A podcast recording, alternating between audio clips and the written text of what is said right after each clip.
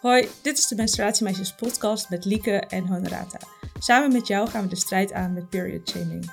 We zitten in onze digitale podcaststudio. Ik doe dat vanuit Berlijn en Lieke vanuit Utrecht. En vandaag hebben we het gehad over... Stripboeken, Adidas, period activewear. Allemaal heel random dit. Gewoon ook twee echt of neps. Ja, ineens hadden we dat, ja. Meervoud is ook echt of neps. Oké. We hebben het gehad over wat endometriose is. En hoe Kim daarmee dealt, onze gast van vandaag. En we geven een vrij royale boekupdate. Met extra info en niet alleen technische updates. Let's go! Ja.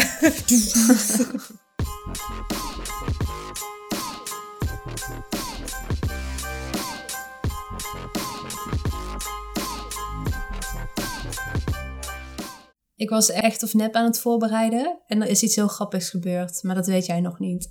Oké, vertel. Ik had er één en toen op een moment vlak voordat we deze opname zijn gaan opnemen, kwam ik erachter dat jij mijn feitje hebt gezien in DM's, want iemand heeft het naar ons gestuurd. En dan ben Oh. ik net op tijd achtergekomen. Maar misschien Ja. ben je het ook alweer vergeten. Kantje woord. Dus nu heb je een andere. Nu heb ik sowieso een andere, maar ik kan nog wel vertellen wat mijn eerste was. Doe maar. Oké, ik ga gewoon testen of je dit dan hebt onthouden.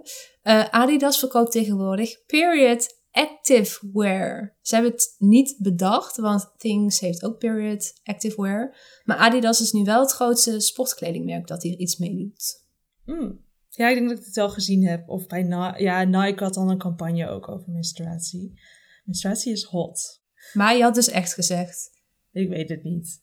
Het is echt eh, 30 graden in Berlijn, dus ik ben niet heel scherp vandaag. Eh, Oké, Dus ga jij maar gewoon je gang. Ik ga even chillen hier. Ja, is goed. Nou, iemand had dus ons dus een DM gestuurd met dat Adidas dit doet. Maar de DM ging meer over de foto die Glamour daarvoor gebruikte, namelijk met rode glitter. Dus het zat zo op het randje van, Ja, ja, dat kan ik me wel herinneren. Ja, precies. Dan heb jij die rode glitter onthouden, maar niet het Adidas-verhaal.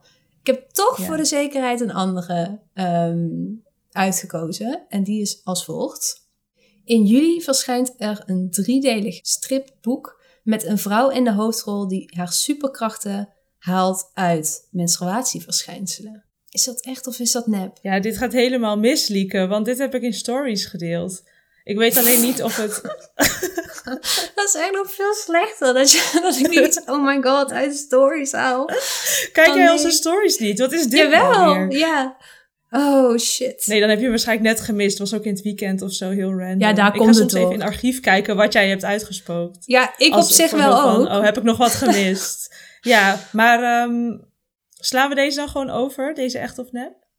Wil jij dat? Ik vind het ook wel goed om jou een punt te geven hoor. Maar ja, als jij het voorstelt. Hmm. Hmm. Maar volgens mij zijn we ook op zo'n punt aanbeland dat we gewoon... Het, ik vind het ook best wel moeilijk hoor, om, nog, om nog iets te vinden. Oh, ik, ja, ik heb dus nog een hele... Ik heb dus nog een hele Ja, jij wilt een hele aflevering vol Ja. met echt of nep, dat weet ik. Ja. eh nou, doen we gewoon... We slaan deze over. Gewoon eh gel- gelijkspel, zeg maar. Dus dan blijft de score gewoon staan. Oké, is goed. Ja, Nou. ik heb wel mijn best gedaan, want ik heb twee keer... Snap je? Dat wil ik wel nog even benadrukken. Ja, dus, ja, dus vandaar. Het, eh, het is je gegund. Dankjewel, dankjewel. Nou, na al deze spanning en sensatie gaan we nu naar een menstruatiemoment. Eh, en het menstruatiemoment is van Linda. Ik ga hem voorlezen. Bij mij is per toeval endometriose ontdekt, nadat ik al bijna twee jaar rondliep met een heel pijnlijke plek rond mijn navel. In het ziekenhuis bleven ze me maar wegsturen. Op MRI-scans en echo's zagen ze wel dat er iets zat, maar ze wisten niet wat. Dat zal wel ontstoken littekenweefsel zijn, omdat ik ooit ben geopereerd aan mijn navel. Ik heb toen aangegeven dat ik opnieuw een operatie wilde, omdat de pijn mijn dagelijks leven in de weg begon te zitten. Ik kon bepaalde kleding niet meer dragen, niet meer sporten en het vele zitten dat ik als freelance tekstschrijver deed, maakte het er ook niet leefbaarder op. Uiteindelijk ben ik geopereerd en daar ben ik heel blij om. Anders had ik de pijn waarschijnlijk nooit aan mijn menstruatie gekoppeld. Die pijn was inmiddels constant. En dan hadden ze de endometriose misschien wel nooit ontdekt. Zelfs nu bekend is dat ik endometriose heb, is het bijna onmogelijk om een nieuwe afspraak te maken bij de gynaecoloog. Het leek mij handig om een check-up te doen, aangezien ik anderhalf jaar geleden voor het laatst ben geweest. Toen werd via een MRI-scan ontdekt dat er nog meer kleine vergroeien zaten rond bijvoorbeeld mijn baarmoedermond. Sindsdien ben ik weer aan de pil om de endometriose at bay te houden met die hormonen. Maar ook de pil is niet waterdicht. Ik word verder totaal niet gemonitord en krijg geen check-ups. Op 2 april dit jaar kreeg ik een verwijsbrief en inmiddels ben ik nog steeds niet gebeld. Nee hoor mevrouw, we bellen u, maar er is wel een wachtlijst. Onlangs moest ik vanwege familieomstandigheden naar Griekenland. Toen ben ik daar naar de gynaecoloog geweest. Ik kon binnen twee dagen terecht, kreeg een uitgebreide check-up en kon al mijn vragen stellen. Ook het zorgsysteem in Griekenland is verre van perfect, maar ik vind het zo zorgelijk dat ik zelfs met gynaecologische aandoening gewoon niet snel terecht kan bij een gynaecoloog in Nederland. Ik ben inmiddels 31, dus ik vind het nogal belangrijk om te weten waar ik aan toe ben. Gelukkig kan ik de gynaecoloog in Griekenland altijd bellen of mailen. Groetjes, Linda. Nou, nou, nou, nou, nou. Dit legt wel even bloot waar, uh, waar het allemaal misgaat. Ja, past ook geheel bij de aflevering van vandaag, omdat het ook over endometriose gaat. Uh... Ja, fijn dat er in Griekenland dan op dit gebied het beter is geregeld. Maar goed, ja. daar zul je wel andere dingen hebben die niet helemaal goed gaan. Hmm. Hmm. Dus. Ja, dus. En nu? Ja, als iemand even een menstruatiemoment instuurt dat waar alles goed gaat, dan... Uh... Zijn wij ook weer blij. En Linda ook. Ja, nee, maar dit is ook een onderdeel van waarom we dit doen. Dus uh, bedankt voor het insturen. Yes. En dan gaan we nu naar ons gesprek met Kim over endometriose. Toen we net met menstruatiemeisjes begonnen, ik doe even een throwback, maar toen uh, kregen we meteen dit onderwerp heel vaak binnen. Zo van, daar moeten jullie het echt over hebben. Ik heb het over endometriose. En dat gaan we nu eindelijk doen. We niet alleen, doen we namelijk met Kim. En die zit nu ook in het videogesprek. Hoi Kim. Hi. Welkom. Dankjewel. Um, kan jij misschien vertellen waar mensen jou zo al van kunnen kennen? Ja, um, nou mensen kunnen mij misschien wel kennen van onder andere YouTube en Instagram. Ik uh, maak al jarenlang video's en vlogs. En um, een paar jaar geleden, of uh, een jaar geleden, heb ik ook een video over endometriose geplaatst. Waar nog steeds wekelijks reacties op komen. Um, dus dat, denk ik. Uh, je krijgt wekelijks daar nog reacties op. Wow. Ja, dat is echt bizar. Mijn, die, die video, die eerste video, die heeft zoveel mensen bereikt. En uh, nog steeds wekelijks krijg ik reacties daarop in mijn DM over verhalen over endometriose. Of meiden die denken dat ze endometriose hebben. Nou, die moeten we wel sowieso even in de show notes zetten. Ik heb hem al gezien hoor, just saying.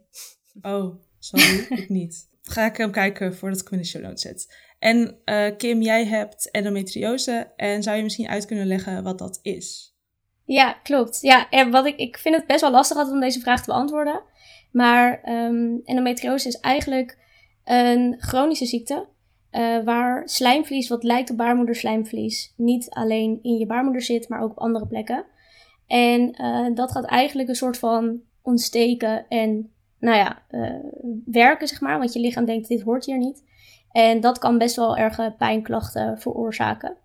Dus um, dat is kort uitgelegd wat endometriose is. Ja, volgens mij leg je dat prima uit. Ik, uh, ik heb geen aanvullingen. Ja, geen disclaimer nodig. Nee. En uh, welke, welke klachten had jij? Of waar begon het bij jou uh, mee? Ja, nou het is dus eigenlijk bij mij, um, ik heb dus endometriose op mijn middenrif. En dat begon bij mij met klachten in mijn rechterschouder. En op een gegeven moment ging ik dat bijhouden van wanneer heb ik nou eigenlijk die pijn. En dat was uiteindelijk elke keer tijdens mijn menstruatie. En dat vond ik zo apart. Dat ik dacht, ja, dat is toch wel heel gek. Um, dus dat waren de klachten waar, wat bij mij eigenlijk me deed uh, vermoeden dat er iets mis was. En waardoor ik uh, naar de huisarts ging. Maar als ik die pijnklachten niet had gehad, dan had ik niet, dan had ik denk ik nu nog steeds niet geweten dat ik endometriose heb. Um, dus ja, die schouderpijn, dat was voor mij echt een teken dat er iets aan de hand was. En komt dat, uh, weet je of dat vaak voorkomt? Want ik hoor het eigenlijk voor het eerst. Ik weet wel dat het op verschillende plekken kan komen. Uh, ik wist niet dat het tot aan je middenrif zou kunnen. Ja. Is dat, uh, komt het, is het, ben je een uitzondering? Nou, ik hoor het inderdaad, je hoort het veel minder. Maar um, het, het komt wel ook regelmatig voor. Ik zit bijvoorbeeld ook in een Facebookgroep met uh, nou ja, een soort van lotgenoten eigenlijk, die ook endometriose hebben. En daar zie je het toch regelmatig voorbij komen. Okay. Ja. Maar het komt wel iets minder vaak voor. Voor ons boek uh, moesten we natuurlijk ook helemaal into endometriose. Want we hebben een hoofdstuk waarin alle, nou niet alle, maar veel menstruatieaandoeningen uitleggen. En wat we ook vonden uh, is dat uh, darm- en blaasproblemen veel voorkomen. Vermoeidheid en pijn tijdens seks penetratieseks, ja. Ja. Ja, klopt. Dat zijn inderdaad ook ehm, eh, ja, klachten die er echt bij horen. Uh, vooral vermoeidheid merk ik zelf heel erg. Uh, en dat gaat dan ook echt wel in, dus ja, rond mijn ovulatie en mijn menstruatie is dat het ergst. Um, maar wat ik dus altijd lastig vind met deze klachten is dat er heel snel sowieso wordt gezegd, het hoort erbij. En ik vond het zelf ook heel lastig inschatten vanaf wanneer is het niet normaal eigenlijk en wat is normaal. Uh, dus dat vind ik heel lastig aan, aan dit onderwerp en aan de ziekte eigenlijk. Want er horen klachten bij die in mindere mate, iets mindere mate al ja, tot normaal worden uh, benoemd eigenlijk. Ja, en die vermoeidheid, um, want ik vraag me nu opeens af, is het dan vermoeidheid in general of vermoeidheid door de pijn? Want ik kan me voorstellen dat het hebben van pijn kost heel veel energie. Klopt. Dus is dat een gevolg van het pijn hebben of? Beide. Ja, beide. Ik heb uh, toevallig, nou ja, vorige week maandag had ik echt weer een hele erg pijnaanval. Waar ik gewoon echt als een baby op de grond lig en uh, nou ja, niks kan doen, zeg maar. En ik merk dan ook dat de, de middag erna en de dag erna dat ik echt gewoon kapot ben. Dus dat die pijnaanvallen, dat kost heel veel energie. En in het algemeen ben ik gewoon moe uh, rond mijn ovulatie en mijn menstruatie. En hoe, uh, hoe, hebben die, hoe heeft die pijn nog meer invloed op je leven? Dat klinkt uh, ja, best wel heftig. Ja, nou, het, um, het gaat nu voor mij best wel stabiel. Um, ik heb een heel traject natuurlijk doorlopen. Maar nu merk ik dus eigenlijk vooral dat ik de eerste dag van mijn menstruatie heel veel last heb. En dat kan ik redelijk vooruit zien, zeg maar. Dus ik kan het zien aankomen. Um, dus op die dagen plan ik ook gewoon, nou ja, nauwelijks iets, als dat kan. En um, verder gaat het eigenlijk wel prima. Uh, ik ben niet iemand die dagelijks pijn heeft, dus dat scheelt. Dat, dat had ik wel, maar dat is inmiddels niet meer. En um, dus ja, het gaat, het gaat nu redelijk stabiel, zeg ik altijd. Fijn. Ja. Oké, en je had het al over dat traject. Kun je ons een beetje meenemen in hoe dat ging? Dus hoe kreeg je de diagnose? Hoe ging dat? Hoe ging het echt vanaf het eerste gesprek bij de dokter? Want dat verschilt echt heel erg per persoon. Daar hoor je zoveel verhalen over. Ja, klopt. Het duurt ook gemiddeld echt, uh, echt een aantal jaar gewoon voordat er een diagnose wordt gesteld. Of dat er iemand wordt serieus genomen. Um, nou, bij mij begon het dus met die schouderpijn. Dat ik op een gegeven moment merkte dat dat cyclisch was. En toen ben ik naar de huisarts gegaan. En die zei eigenlijk gelijk tegen mij: Ja, dat hoor ik wel vaker, dat hoort erbij. Uh, ik had het nog nooit gehoord, dus ik dacht: Oké, het zal wel. Uh, dat is waarschijnlijk iets waar niemand over praat, blijkbaar of zo. Uh, toen ben ik alsnog naar de gynaecoloog gegaan, want ik, was, ik kreeg die pijn dus omdat ik was gestopt met de pil. Of nou ja, nadat ik gestopt was met de pil. omdat ik daar ook allerlei bijwerkingen van had en ik wilde gewoon eigenlijk het liefst zonder. En toen heb ik met mijn huisarts gesproken over de optie om uh, een spiraal te nemen. Toen ben ik naar de gynaecoloog gegaan. Uh, die heeft voor de zekerheid ook een echo gedaan. Want ik ging natuurlijk gelijk zoeken schouderpijn gelinkt aan menstruatie. En toen kwam eigenlijk vrijwel snel endometriose bovenaan te staan. En dan lees je allemaal dingen over niet vruchtbaar zijn en nou ja, uh, ernstige dingen zeg maar. Um, maar toen hebben we dus een echo gedaan en toen heeft hij eigenlijk niks kunnen zien, die gynaecoloog. Dus ik ging er een beetje van uit dat dat dan niet het geval was bij mij. Uh, spiraaltje laten zetten. En dat ging eventjes goed.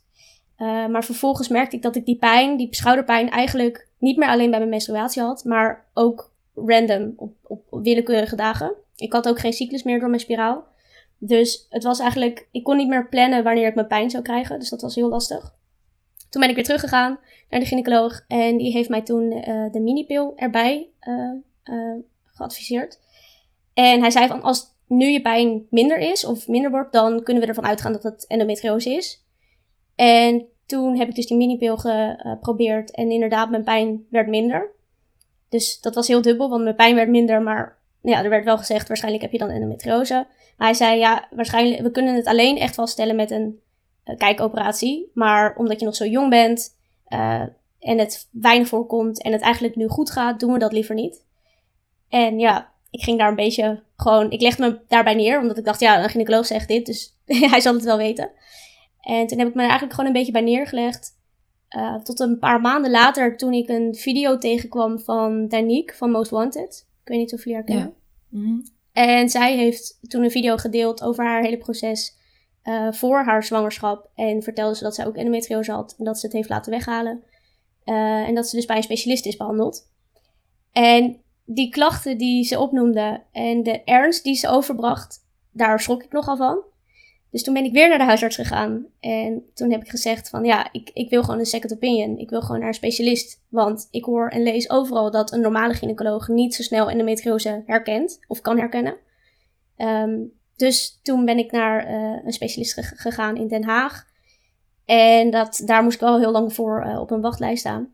Uh, maar toen ik daar kwam, werd ik echt eindelijk na, nou denk ik wel een jaar, serieus genomen en, en goed um, ja, toen werd ik echt serieus genomen. En uh, um, toen kreeg ik een echo. En binnen twee seconden werd er gezegd van ja, ik zie al dat je endometriose hebt. Dus dat was heel, heel dubbel. En was, zagen ze dan de endometriose op je middenrif of bij je baarmoeder? Nee, ja, heel goed dat je het vraagt. Ja, klopt.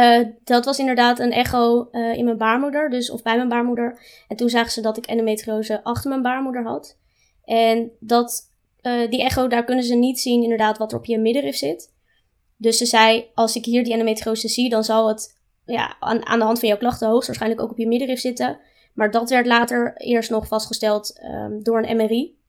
Dus met die MRI konden ze echt zien dat dat ook op een middenrif zat. Ja. En, en, en van begin tot eind, inclusief dus dit tot aan de MRI, was dat een jaar of was dat dan nog iets langer dan een jaar? Oeh, ik denk, ik denk anderhalf jaar. En dat is uh, relatief kort gemiddeld, zeg maar. Dit uh, van A tot Z. Dat is echt best wel erg dat we dat dan kort moeten noemen. Ja, klopt.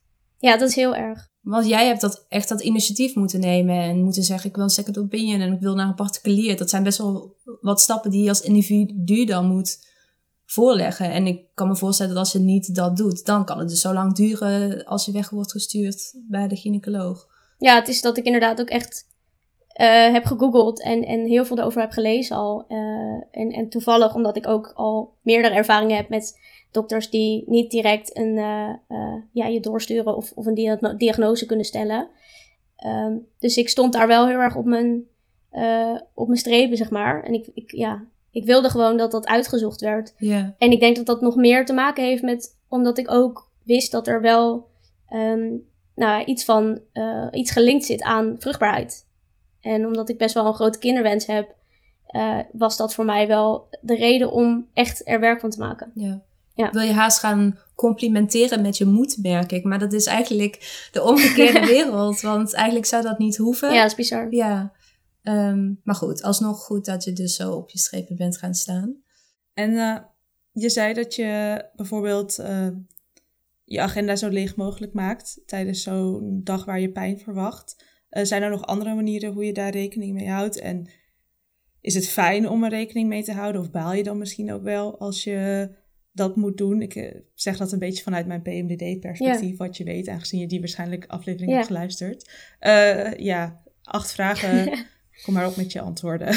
ja, nee, ik, ik, ja, ik hou er inderdaad rekening mee in mijn agenda en dan voornamelijk rond mijn menstruatie. En ja, vind ik dat leuk? Nee, want ik ben jong en ik wil gewoon dingen doen zonder daar heel erg rekening mee te hoeven houden. En ik hou er nog meer rekening mee um, uh, met mijn voeding. Uh, en en uh, ja, wat ik, wat ik doe qua sporten en zo. Ik ben danser en dansdocent en ik kan niet te veel daarin. Ik moet daar heel erg letten op mijn grenzen. Dat heb ik het afgelopen jaar ook heel erg meegemaakt. Um, omdat het op mijn middenrif zit kan ik niet heel diep inademen, zeg maar. Anders doet het heel erg pijn. Dus dat triggert die plek heel erg. En ja, intensief workouten, dat zit er voor mij gewoon niet meer echt in. Dus dat vind ik wel lastig, want ja, ik was altijd iemand die echt heel graag sport en danst en doet. Dus ja, dat zijn dingen waar ik rekening mee moet houden. En, en in je omgeving uh, gaat dat altijd goed? Bijvoorbeeld je grenzen aangeven en bewaken. En uh, ja, hoe, hoe gaan mensen om jou heen ermee om? ja, over het algemeen goed. Um, dat de meesten weten ook wel wat, wat er aan de hand is, zeg maar. Alleen, um, ja, over het, algemeen met mensen die je iets minder goed kent, of die het niet weten, of er niet zo bewust mee bezig zijn. Als je dan zegt, ik ben moe, dan, uh, of als je bijvoorbeeld iets afzegt en je zegt, ik ben moe, uh, dan wordt dat niet heel erg in dank afgenomen, zeg maar. Dan wordt er heel snel gezegd van, nou, je bent saai, of wat dan ook. Terwijl, ja, ik moet gewoon heel erg opletten dat ik mijn energie goed verdeel. En ja, dus dat is wel uh, lastig, omdat ja, je wil ook gewoon leuke dingen doen. En zonder erbij na te denken, eh, eh, le- leuke afspraken eh, nakomen, zeg maar. Overal Maar- ja op zeggen, ja. Ja, precies. Ja, maar dat kan niet altijd. En je, gebruik je nog eh, anticonceptie of hormonale anticonceptie? Om, want dat hoor je vaak, dat dat eh, helpt om de klachten te onderdrukken. Ja, klopt. Ehm, ik had na mijn eh, MRI had ik ook een afspraak met mijn arts, mijn behandelend arts. En die zei ook inderdaad van, nou ja, eh, je kunt het beste dat spiraaltje, want die had ik toen nog, eh, laten verwijderen en dan aan de pil gaan. Maar ik heb best wel een nare eh, ervaring met de pil. En nou ja, ik vond het heel eng om dat spiraal eruit te halen, want ik was bang dat die pijn nog erger zou worden. Ehm, maar op een gegeven moment merkte ik dat ik met dat spiraal ehm, ja, zo vaak echt nou, dagelijks pijn had. Dat ik dacht, ja, het kan eigenlijk ook niet zoveel erger. dat idee had ik. En die heb ik dus in december eruit laten halen. En nu heb ik dus geen anticonceptie. Ehm, en ik heb daar laatst nog een gesprek over gehad met mijn arts. En die schrok daar eigenlijk een beetje van. Want ze adviseren het echt heel sterk om dus aan de pil te gaan. Want dat zou de endometriose onderdrukken. Maar ik heb dus eigenlijk eh, eh, ja, gewoon zoveel nare ervaring met de pil. Dat ik denk, dit, eh, dit stel ik nog even uit. ja. En, de, en de, bij de minipil heb je dat niet. Nee, ik heb dus de minipil sinds vorig jaar zomer niet meer geslikt. Die ben ik op een gegeven moment ook gaan stoppen, omdat ik merkte dat dat eigenlijk alleen maar bijwerkingen gaf en verder niet. Dus dat, daar was ik snel klaar mee. Oké, dus je zit niet aan de hormonale anticonceptie. Ehm, en hoe kijk je nu naar de toekomst? Hoe nu verder? Ja, dat vind ik dus nog wel lastig. Omdat ze zeggen het is een chronische ziekte. En ehm, ja, dat betekent dat ik er de rest van mijn leven wel mee te maken heb. En ehm, ik heb er vorig jaar over na zitten denken om me te laten opereren. Dus dat ze die stukken endometriose, nou ja, stukken, stukjes, dat ze dat wegsnijden. Ehm, maar uiteindelijk heb ik dat toch niet gedaan, omdat zo'n operatie is best wel risicovol. En zeker omdat het op mijn middenrif zit en tegen mijn lever en aan bij mijn longen. Dus dat is best wel een eh, ingrijpende operatie.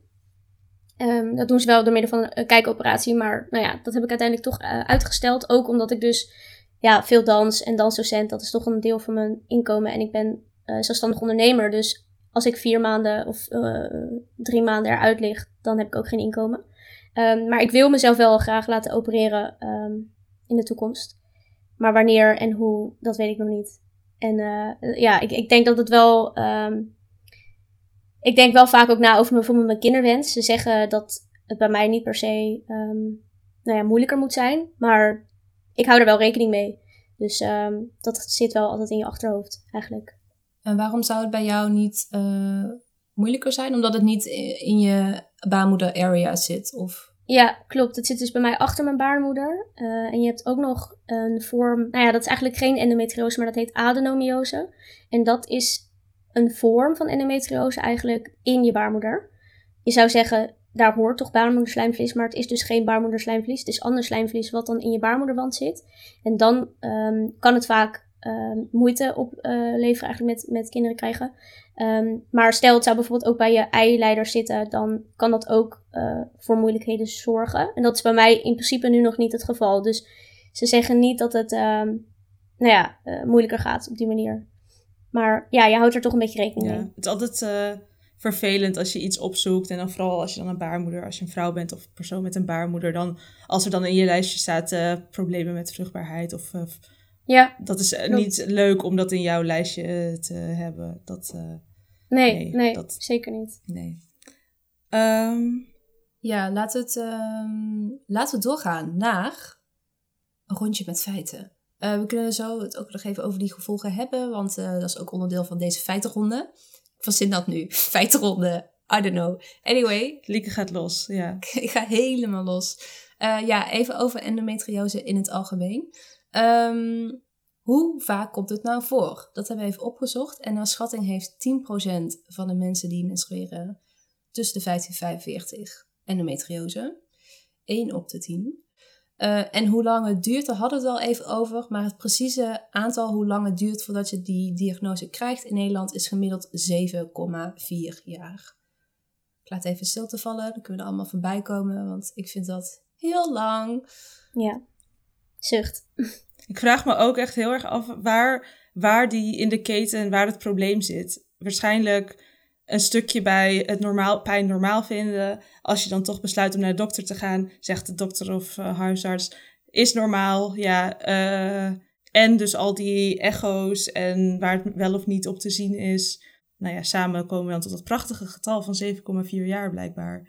Ja, nou, waar het vaak, ik merk ook dat er een soort van drie barrières zijn eigenlijk. De eerste is om überhaupt naar de huisarts te gaan, om je menstruatieklachten eh, eh, aan te kaarten. Want ja, dat hoort erbij. En de huisarts die zegt dat nog een keer. En dan heb je ook nog eens, als je eenmaal zover komt om naar een gynaecoloog te gaan om het te onderzoeken, dat die gynaecoloog eigenlijk niet de endometriose kan herkennen, omdat het ja, zo onbekend is. En, en er wordt, er, ze weten gewoon niet waar ze naar moeten zoeken. Er staan eigenlijk een soort van drie momenten waar, er, ja, waar je weer teruggestuurd kan worden. Dus dat is wel echt wel erg, vind ik. Ja, dat ligt nu heel erg bij het individu. Dat is ook een onderwerp wat terugkomt bij ons dan in het boek en ook in de podcast of ook de aflevering met de gynaecoloog. Eh, Ja, en gynaecologen zijn natuurlijk ook gewoon mensen. Maar ik denk niet dat de oplossing is dat iedereen van endometriose af zou moeten weten. Ik denk alleen die medische wereld vooral. Ehm, en waar dat dan precies fout gaat, I don't know. Kan liggen aan de dingen die we zojuist hebben besproken. Ehm, maar het is niet zo dat endometriose geen erkende ziekte is. Ehm, dat is het wel. Dus het staat gewoon in, ja, ik weet niet hoe dit officieel heet. Maar ik neem aan dat het een soort van register staat. Met dit kan iemand hebben met deze klachten.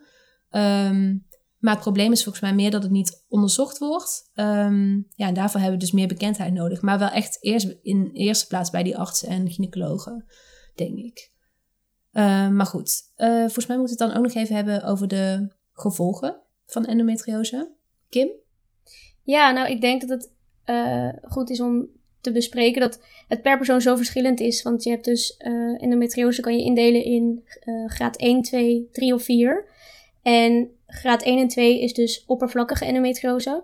En graad 3 en 4, 4 is dus ja, diep geïnfiltreerde endometriose.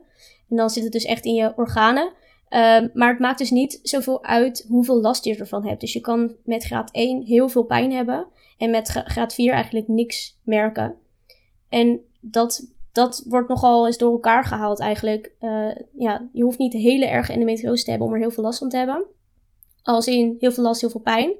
Ehm, maar het kan dus ook zo zijn, niet om mensen bang te maken, maar dat je minder last hebt en denkt het valt wel mee. En dat je eigenlijk best wel veel plekken endometriose hebt die dus schade aanrichten. Dus het is, als je erover twijfelt, dan is het goed om het te laten onderzoeken. Dat je in ieder geval weet ehm, ja, wat het, wat het eh, met je doet eigenlijk. Goeie toevoeging. Dankjewel. Ja. Eh, dan gaan we nu naar de vragen die zijn binnengekomen via de vragensticker. Eh, de eerste was, hoe deal je met de pijn en aanwezigheid op werk slash school? Ja, dat is een lastige. Dat is echt, eh, wat ik zei, vorige week maandag had ik dus een enorme pijnaanval. En het is dat ik zelfstandig ondernemer ben, dus ik deel mijn eigen tijd in. Ehm, maar ik merk dat ik daarmee in een enorme luxe positie zit met deze ziekte. Want ik zou me niet kunnen voorstellen dat ik doodleuk naar mijn werk ben gegaan en op mijn werk ineens zo'n pijnaanval zou krijgen.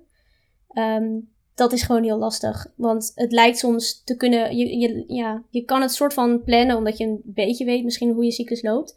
Eh, ik heb dan het geluk dat ik wel een redelijk vaste cyclus heb. Dus ik weet gewoon hoeveel dagen ehm, ja, mijn cyclus is. Maar bijvoorbeeld, eh, vorige keer was die twee dagen te vroeg. Dus ik had hem totaal niet zien aankomen. Ehm, nou, dat is gewoon heel lastig. En inderdaad, ook op school. Ik denk dat er heel veel onbegrip daar ehm, omheen hangt. Eh, want ja, ongesteldheid, menstruatie, eh, klachten, dat hoort er nou eenmaal bij. Ja, ik zei een keer eh, bij mijn studie, dit heb ik nog nooit verteld, maar ik zei een keer bij mijn studie, ik was aan het afstuderen, wat niet gelukt is, want met PMDD kon ik niet afstuderen. Ehm, en toen gaf ik aan dat ik een g- chronische depressie had of terugkeren, want ik dacht, nou, die mensen met die zien me aankomen hoor. Als ik zeg dat ik eh, depressief ben als gevolg van mijn cyclus.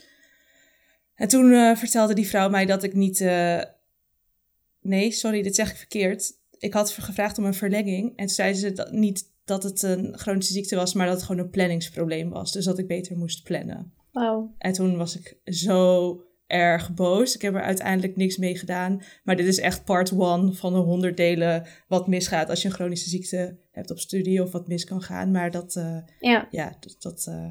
En je zei net dat je ondernemer bent of zelfstandig ondernemer. Is dat, heeft dat ook te maken met je diagnose of met je pijn? Of is dat gewoon toeval? Dat heeft er wel deels mee te maken. Ja, ik heb eh, ehm, vorig jaar ehm, heb ik, ben ik ja, voor, voor het zelfstandig leven zeg maar, heb ik gekozen. Uh, maar dat kwam omdat mijn contract niet werd verlengd. Onder andere omdat ik best wel regelmatig uh, uh, gewoon ziek was en, en last had van mijn, van mijn pijnklachten. Ja, dus dat hou je wel in je achterhoofd. En dat is niet de reden waarom ik zelfstandig ondernemer ben geworden, maar dat heeft er wel deels mee, mee ja, hoe zeg je dat, te maken gehad. Ja, ik ben daar echt zelf ook nog heel zoekende in van of dat mag. soort van, of mag je, en ik, weet, je kunt het dan niet hard maken van uh, het komt hierdoor dat, dat ze gaan niet zwart op wit zetten, we verlengen het niet, want je bent te veel ziek. Maar dat vind ik echt een hele fine line in onze generatie van flexcontracten en al die dingen. Dat als je er dan nog een chronische ziekte bij krijgt, dan is dat helemaal niet fijn van die contracten waar je niet aan kan, van, uh, niet aan kan op een systeem dat er voor jou is. Dus jij mag wel werken voor dat bedrijf, maar dat bedrijf wil niet uh, werken voor jou, zeg maar. Klopt. Ja.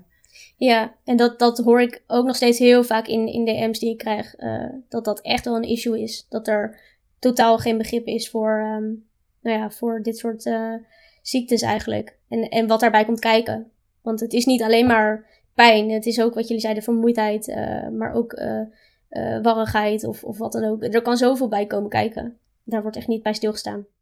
Of die tijd om naar de dokter te gaan. Of, of de... de tijd en energie die het kost om te wisselen van medicijnen. Er zijn ook heel veel randvoorwaarden die, of randzaken die dan ook veel tijd innemen. Voordat we verder gaan, nog even dit. Want wil je nu meer podcast, dat er meer bedrijven lastigvallen omdat ze period shamen, meer boeken, meer illustraties, meer community? Nou, of wil je gewoon meer menstruatiemeisjes? Dat kan. Steun ons werk dan via Petje Af. Dat kan maandelijks of eenmalig. Je krijgt onze eeuwige dank in return, maar ook exclusieve content. Je wordt onderdeel van onze community. Ik kan dus lekker meedenken en meepraten. En je krijgt exclusieve stories op Instagram. Ja, klinkt dit nou goed? Dan vind je alle informatie op petje.af slash menstruatiemeisjes. Uh, krijg je ook veel adviezen in je DM als je dus deelt, iets deelt van ik heb endometriose, van allemaal oplossingen die jou zouden kunnen helpen?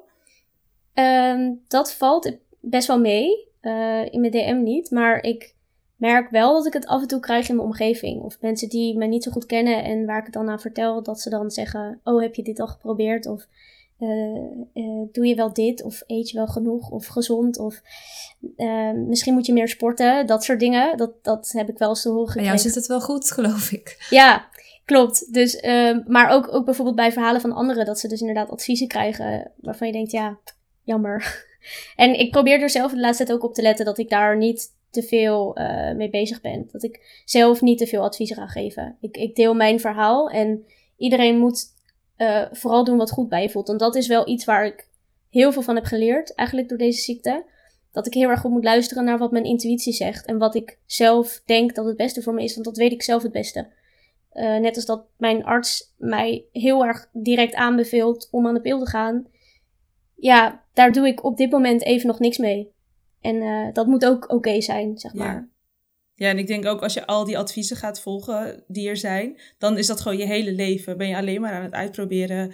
Uh, gaat dit werken, gaat dit werken? En je moet ook nog gewoon je eigen leven leiden. Plus, ik denk dat die, soms al die adviezen ook kunnen zorgen dat gezondheid heel maakbaar is. Of maakbaar lijkt. soort van, als je maar goed genoeg je best doet. Als je maar goed genoeg oplet. Uh, en dat is een hele fijne garantie voor mensen die wel helemaal gezond zijn of veel gezonder in ieder geval of geen ziekte hebben. Um, ja, het idee van als, als je maar gewoon naar het ziekenhuis gaat en als je maar je best doet, dan komt het goed. En dat is helaas niet zo. Ik denk dat dat het gevaar is van die adviezen. Nee, klopt. Ja, zeker. En voordat we het vergeten, uh, heb je nog een try this at home voor ons? Ja, nou hier heb ik dus even over naast te denken. En ik vind echt dat er veel meer gesproken mag worden over um, menstruatieklachten en uh, wat erbij komt kijken. En um, ik vind het zelf nog steeds heel erg lastig om het te bespreken met mensen, want ik wil niet overdreven overkomen of wat dan ook. Maar ik merk dat hoe meer ik het deel, ook met bijvoorbeeld uh, mensen zonder baarmoeder, dat, ik, dat er veel meer begrip uh, ontstaat en veel meer awareness eigenlijk. En dat er veel meer bij komt kijken bij menstruaties. En dat er zoveel mensen um, ja, last hebben van de menstruatie. Dus er vooral veel over praten zeg maar. dat is mijn try ja. Nou, Eh, heel erg bedankt voor al je antwoorden en, ehm, En persoonlijke verhaal? Thanks. Ja, dank jullie voor de uitnodiging. en eh, waar kunnen mensen jou volgen? Mensen kunnen mij volgen op eh, Instagram, denk ik. Kim.van.hagen. Inclusief dance moves. Inclusief dance moves. Dankjewel Kim. En dan gaan we nu naar onze boekupdate. Het is weer tijd voor een nieuwe boekupdate. Ik ben een beetje vergeten wat, wat we de vorige keer nou precies hebben gezegd, maar dat komt vast goed. Ehm, volgens mij hebben we het vooral over technische dingen gehad. En in het verlengde daarvan, nu zijn we bezig met de achterflap. Just so you know. dat moet ook gebeuren. Ehm, maar volgens mij is het een beetje saai om het alleen maar over die technische dingen te hebben. Dus, Honorata, je hebt de vraag voorbereid. Zodat we het ook een beetje over de inhoud kunnen hebben. Ja, in het script stond Hono, maar jij noemt mij nooit Hono. Oh. Nee, vind je dat erg? Nee, maar heel, of althans, het is bij mij altijd wel een teken van genegenheid als mensen mij Hono noemen. Zeg maar, mijn, mijn mentor op HBO noemde mij zelfs Hono. Dat vond ik dan weer niet geweldig, maar dat deed hij zelf. Beetje too much genegenheid. Ja. Oké, eh, ik heb een vraag voorbereid. Ehm, wat was heel anders dan je verwachtte? Goeie vraag. Eh, wat ik dus een beetje heb, dat ik niet zo heel veel verwachtte. Ik had helemaal niet zo'n compleet beeld van hoe ons boek eruit ging zien. Maar nu het zo af is, denk ik wel van... Wow, we hebben echt zoveel leuke elementen in ons boek. En echt veel meer dan ik dacht. En het is, het is gewoon niet saai. En ik wil niet zeggen dat ik dacht dat ons boek saai ging worden. Maar we geven zoveel extra's. En dat vind ik echt leuk van onszelf. Dus we geven tips op het einde van het hoofdstuk. We geven of we delen persoonlijke verhalen van onszelf, printables. Dus er zit zoveel in. Dit is wel echt meer dan. Ja, tien verhalen ook van andere Ja, mensen. eh, Exact. Was, ja. ja. Nou, houd maar niet op. En eh, ja, wat vind je van mijn marketingverhaal? Goed, ik kan me er ook heel erg bij aansluiten. Ik wilde eerst iets anders zeggen. Oh ja, ik dacht dat het veel meer zou zijn dat ik soort van wekenlang elke dag een stukje schreef. Dat het een soort heel organisch proces zou zijn. Maar ik heb ADHD en PMDD. En in mijn hele leven is nog nooit iets stukje voor stukje heel goed gepland eh, eh, gegaan. Dus ik weet niet waarom ik dacht dat dat nu wel zo was. Maar het is er echt met horten en stoten uitgekomen. Echt zo drie weken niks. Oh, hier is opeens weer een hoofdstuk wat ik moet schrijven. Eh, dat was dus heel, heel anders dan ik verwachtte.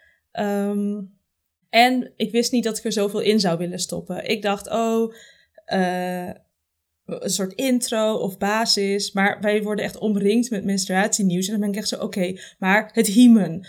Dat is eigenlijk een eh, fabeltje. Dat moet erin. En de clitoris, die is clitoris. Die is veel groter dan je denkt. En oh, wat als je je eerste vriendje hebt? En bij alles zit ik na te denken, moet dit nog in dit boek? Maar er zit wel een limiet aan. We kunnen moeilijk een encyclopedie ervan gaan maken van 26 delen. Uh, dus dat is denk ik ook heel anders dan ik verwachtte. Dat je zo vaak de keuze moet maken van... Moet dit erin? Kan het erin? Past het erin? Of gaat het met pijn in ons hart er niet in? Is ook gebeurd, ja. En over dat stuk van uh, dat organisch werk, dat heb ik dus ook. Want ik, ik ben denk ik meer van het van ik doe elke dag iets of zo. Gaat totaal niet op bij het boek. Volgens mij heb ik echt zo drie weekenden gehad, verspreid over vier maanden, waar ik echt zo ineens 5000 woorden heb geschreven. En dat was er dan gewoon opeens. Ging ik ook niet elke dag netjes 100 woorden doen daarvan. Nee. Um, en ja, maar hierna zou ik ophouden, want we moeten ook iets bewaren voor het volgende boek. Update natuurlijk. Ik doe nog even, voordat ons boek uitkomt. Maar wat ik ook heel erg heb, is dat ik echt totaal niet meer weet waar ik dat boek nou eigenlijk heb geschreven. Maar het komt ook een beetje door corona. Yeah. Want mijn keukentafel was gewoon een plek waar ik at, waar ik werkte voor mijn andere werk, waar ik werkte voor menstruatiemeisjes, waar ik blijkbaar ook tussendoor een boek heb geschreven. Oh, trouwens, ik kan me nog één ding herinneren. De sessie waarin ik die anticonceptiemiddelen moest doen. Jongen, jongen, jongen, jongen. Het was 25 graden buiten en ik zat even uit te zoeken hoe alle anticonceptiemiddelen werkten. Ja, echt genoten. Maar ik ga niet klagen, want overal was het leuk. Maar dat was wel een beetje zwaar. Ja, dat snap ik. Nou, goede boekupdate. Bewaren we de rest voor de volgende keer. Um, en dan gaan we nu naar de Gouden Cup. Zeker. Elke aflevering reiken we de Gouden Cup uit. Dat kan van alles zijn, als het maar taboe doorbrekend, period positive of gewoon heel erg leuk is. Uh, en deze keer gaat hij naar Bonnie van Bij Bonnie. Voor het YouTube-filmpje genaamd Hilarische quiz over masturberen, schaamlippen, menstruaties en meer met Bram de Wijs. Um, mijn highlight uit het filmpje was dat hij dacht dat de cup uit de vagina hangt. Ja. Sorry voor deze spoiler, people. Maar hij is leuk genoeg, dus er is nog genoeg te ontdekken. Ehm, en wat ook opvallend is, is dat het natuurlijk weer gedemonetized is, zag ik in de stories van Bonnie. En dan wordt hij dus ook niet aangeraden uh, in dat balkje van YouTube. Dus iedereen die een YouTube-filmpje maakt over menstruatie en gedemonetized wordt, die maakt kans om een gouden cup bij ons te winnen. Zeker weten, ja. Ik heb hem ook gezien en ik vond hem ook heel leuk. En die andere video's ook leuk. Dus die ze voor, die ze voor Brams kanaal hebben opgenomen. Oh ja, die moet ik nog gaan kijken. Extra tip. Oké, nou die, we zetten het ook in de show notes. Dan is er nog één ding wat we kwijt willen. Namelijk, Lieke, hoe vaak is jouw microfoon eruit geknald, deze opname? uh, meer dan 15 keer, misschien? Komt dat in de buurt? Heb jij geteld? Ik denk het. Nee, ik heb niet geteld. Oké, we hadden gewoon wat technische issues. Uh, voor de eerste keer wel, dus op zich uh, hè, moet, moet toch een keer gebeuren. Maar als je het niet hebt gehoord, dan betekent dat gewoon dat we goed geëdit hebben. Dus dan is er gewoon verder niks aan het handje. En dan, uh, maar ja, we hadden wel gewoon een technisch issue. Oh ja, en als je denkt aan het eind van het interview met Kim, wat is Honora te veel aan het woord? Dat is omdat mijn microfoon er dus in bleef zitten. Dat was onze fix. ja, het was niet dat ik vette show aan het stelen was. En ik was even gunners, ja. ja. Dit was hem echt. Bedankt voor het luisteren. Bedankt voor het luisteren. Um, vergeet ons niet te volgen op Instagram en Spotify, het menstruatiemeisjes. En als je ook helemaal klaar bent met period shaming, tip onze podcast dan even of geef ons een leuke review. You know what to do. Um, want dat is de beste manier om je mensen deze podcast te laten ontdekken. Doei! Doei!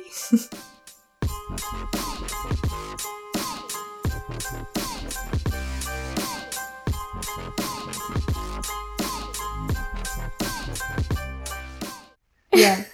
Nu is de vraag, hoe lang gaat Lieke editen? A, 20 uur. B, 40 uur. C, 60 uur.